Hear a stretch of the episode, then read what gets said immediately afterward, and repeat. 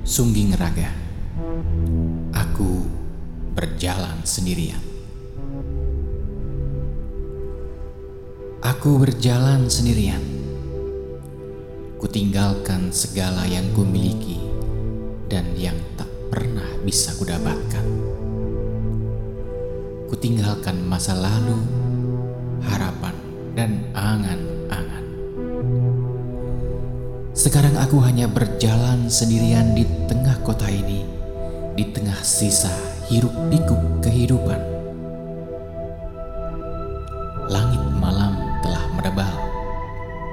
Kulangkahkan kakiku sepanjang trotoar di depan deret pertokoan. Kupandang mobil-mobil melaju dan berlalu seperti kenangan. Kupandang manusia-manusia berwajah lelah yang hendak pulang setelah bekerja sampai larut.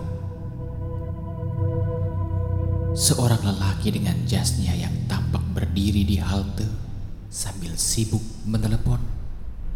Seorang perempuan dengan sepatu hak tinggi. Seorang anak berseragam yang baru keluar dari tempat game online. Kupandang mereka dengan sebuah pertanyaan mereka juga merasa sendirian.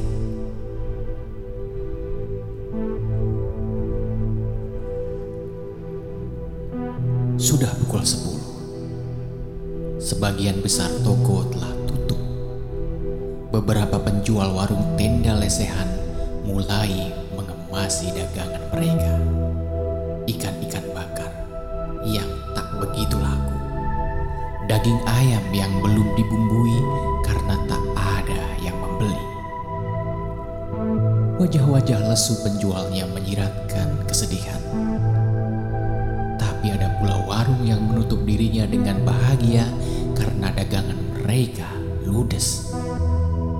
Warung spesial sambal itu sepertinya amat laris. Begitulah kehidupan membagi-bagikan nasibnya.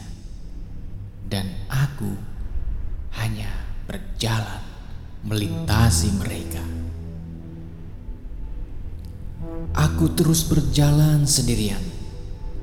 Setelah warung-warung tenda, aku berbelok di gang kumuh yang terbentuk dari impitan gedung pusat perbelanjaan dan apartemen. Banyak genangan air yang begitu pekat hingga cahaya rembulan pun tak terpantulkan. Barangkali aku lapar. Aku iri melihat kucing-kucing sibuk mencari-cari sesuatu di tempat sampah. Sepertinya seekor kucing berhasil menyeret sepotong daging yang telah dirubung lalat. Digigitnya daging itu dengan kuat agar tak direbut kucing lain. Betapa rakusnya ia untuk sesuatu yang kotor tapi bahkan aku pun ingin merebutnya. Saat perlahan ku dekati kucing itu, ia langsung lari menyelinap di lubang-lubang kegelapan. Ku lewati sampah-sampah yang beraroma busuk itu. Ada sisa ikan, pembalut, sayuran, entah apa lagi. Aku terus berjalan sendirian Ku tatap jendela-jendela apartemen kumuh, jemuran-jemuran yang dibiarkan tertiup angin sepanjang malam. Kulihat siluet-siluet manusia dari cahaya di balik tirai. Ada yang seperti berhadap-hadapan. Ada yang seperti hendak berciuman. Ada yang sedang membaca. Memberiku partikel-partikel kenyataan. Tapi aku tidak tahu lagi apakah ini mimpi atau kenyataan. Setelah mencapai mulut gang, aku tiba di sebuah sudut jalan yang remang karena lampu neonnya hidup mati, hidup mati.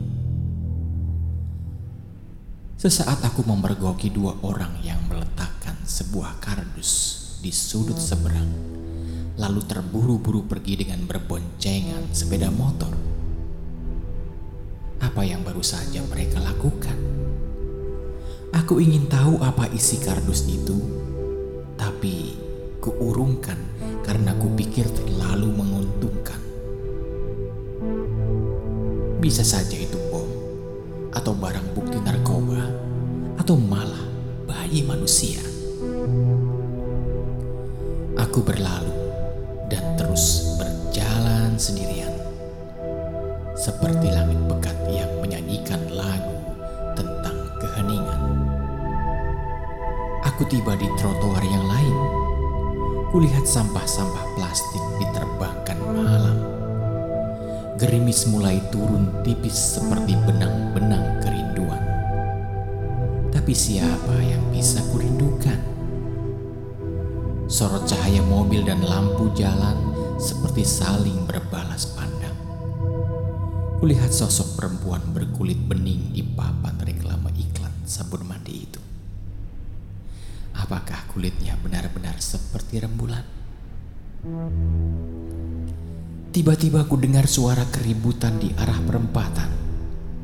Ternyata di depan etalase toko ada seorang yang dipukuli beramai-ramai.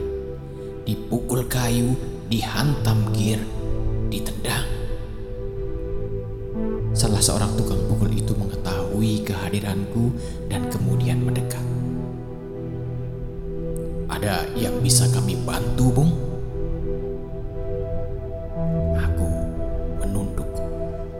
tidak ingin ikut campur, segera. Aku adalah pengecut. Mungkin saja orang yang dikeroyok tadi akan menemui ajal. Setiap malam selalu ada orang yang dianiaya, dibunuh, dimutilasi, dibiarkan tergeletak di selokan di tepi jalan. Para wartawan bergerilya mencari berita. Telah ditemukan sepotong tubuh Menurut kesaksian Tuginem penjual mie dok saat ini polisi telah tiba untuk melakukan olah TKP. Selalu ada kabar duka, atau mungkin tak berguna lagi duka itu, hanya sesaat tercatat dalam berita, lalu hilang. Nyawa-nyawa melayang seperti embusan angin. Mungkinkah sesungguhnya aku telah jadi nyawa yang melayang Tidak, aku masih hidup. Kusaksikan bayang-bayangku di bawah cahaya lampu jalan. Aku jadi teringat ucapan sahabat lamaku, Sapardi. Aku dan bayang-bayang tidak bertengkar tentang siapa di antara kami yang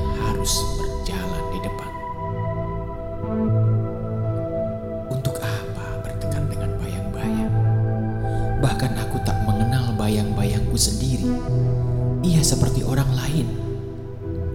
Adakah yang tahu namaku?